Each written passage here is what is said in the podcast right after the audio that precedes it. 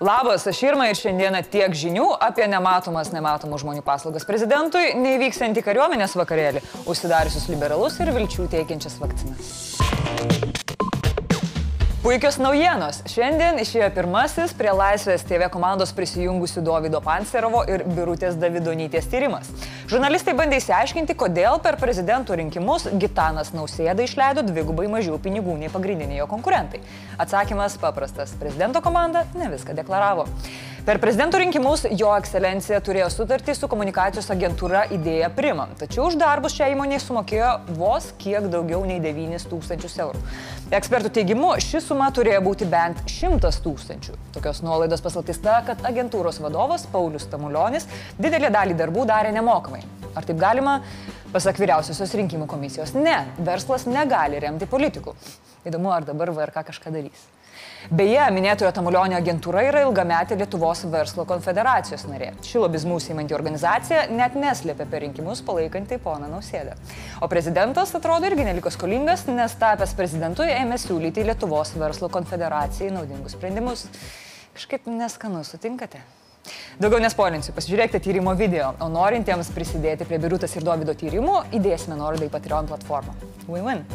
Tuo pačiu visų niekadėjo norėčiau paklausti, ar labai dreba kinkos?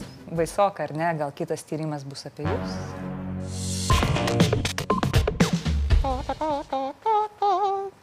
Šiandien minima Lietuvos kariuomenės diena ir 102-osios kariuomenės įsteigimo metinės. Ta proga tris kart valio, valio, valio.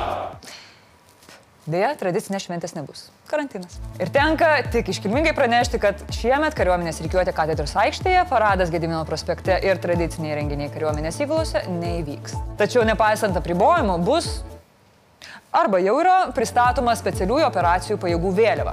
Po to pirmas įk bus oficialiai iškeltos keturių Lietuvos kariuomenės pajėgų vėliavos, o skambant kariuomenės orkestrui garbės sargybos kuopa atliks parodomąją programą su dedikuotomis salvėmis. Karių pasveikinti nepamiršo ir kai kurie politikai. Dar ryte prezidentas Gitanas Nausėda padėjo gėlių ant nežinomo kareivio kapo Kaune ir padėkojo už indėlį padedant suvaldyti pandemiją. Sveikinu Jūs Lietuvos kariuomenės dienos proga. Linkiu Jums ir toliau būti ryštingais, atkakliais ir vieningais tevinės kariais. Nuo koronas besiginanti Seimo pirmininkė Viktorija Čmilytė Nilsen džiaugiasi, kad mūsų kariuomenė yra stipri, moderni, o karybos lyderiai nestokoja ambicijų ir vizijų. Krašto apsaugos ministras Raimondas Karoblis savo Facebook'o paskyroje pabrėžė, kad Lietuvos kariai gyvos legendos tiek Lietuvoje, tiek ir užsienyje. Ministras taip pat pasveikino visus kariuomenės rėmėjus - šaulius, krašto apsaugos civilius tarnautojus, kariuomenę remiančius politikus ir visuomenę. Sveikiname ir mes, o komentaruose savo sveikinimus ir palinkėjimus rašykite ir jūs. Vakar Lietuvoje buvo pasiektas nemalonus koronaviruso rekordas. Per parą patvirtinta daugiau nei 2000 infekcijos atvejų ir 12 mirčių. Šiandien dėja irgi nieko gero. Turime dar 1192 susirgymus ir 6 mirusius žmonės.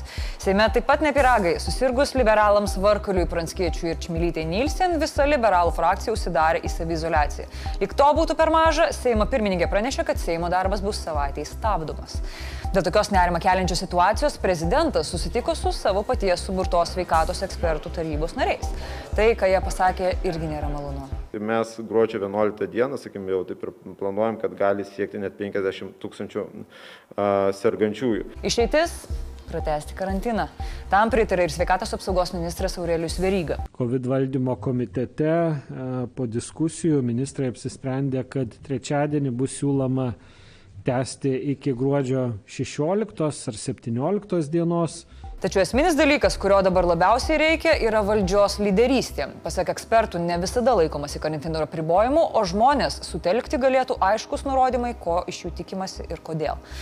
Lietuvoje nuo pandemijos pradžios virusų užsikrėtė beveik 50 tūkstančių žmonių, daugiau nei 36 tūkstančiai tebesirga, o pasveiko virš 11 tūkstančių. Oi kaip nelaukiu kalėdinio apsipirkimo, oi kaip nelaukiu. you Pastaruoju metu naujienos susijusios su koronavirusu neįtin džiugina, tačiau šiandien pro tamsius debesis trumpam švystelėjo saulės spindulys.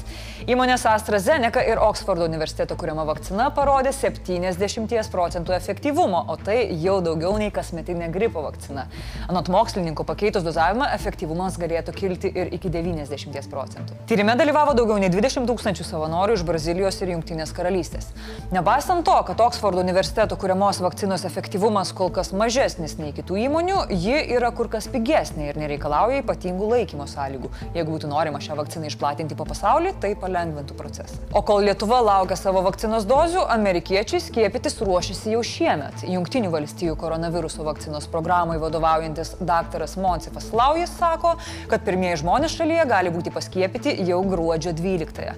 JAV maisto ir vaistų administracijos patariamasis komitetas gruodžio 10-ąją susitinka aptarti Pfizer prašymo aprobuoti, tai yra patvirtinti vakciną nuo koronaviruso.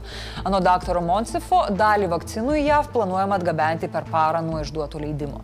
Nenoriu būti naivi, bet tikiuosi, kad greitai tą virusą paties man menčiu. O jeigu norite išgirsti, ką apie tai galvoja profai, įsijunkite šiandien tiek žinių kalba ekspertas su Ignu Kinčinu. Blitz naujienos. Prancūzijoje šiandien pradėta nagrinėti vadinamoji pasiklausimo byla, kurioje pagrindiniu kaltinamoju yra buvęs prezidentas Nicolas Sarkozy. Teisėsaugo įtarė, kad Sarkozy mainais už slaptą informaciją pažadėjo aukštą postą. Buvęs šalies vadovas kaltinamas korupcija ir priekyba poveikiu. Tai pirma tokia byla šalies istorijoje.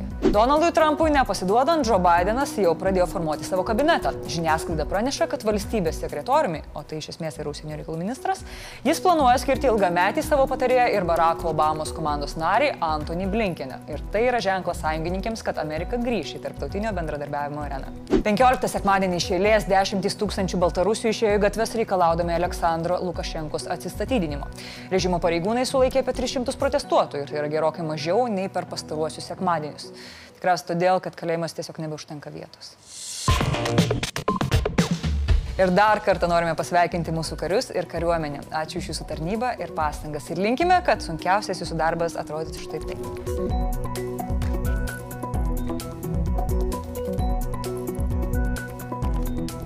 O jums ačiū, kad žiūrit. Iki rytojaus ir tiek žinių.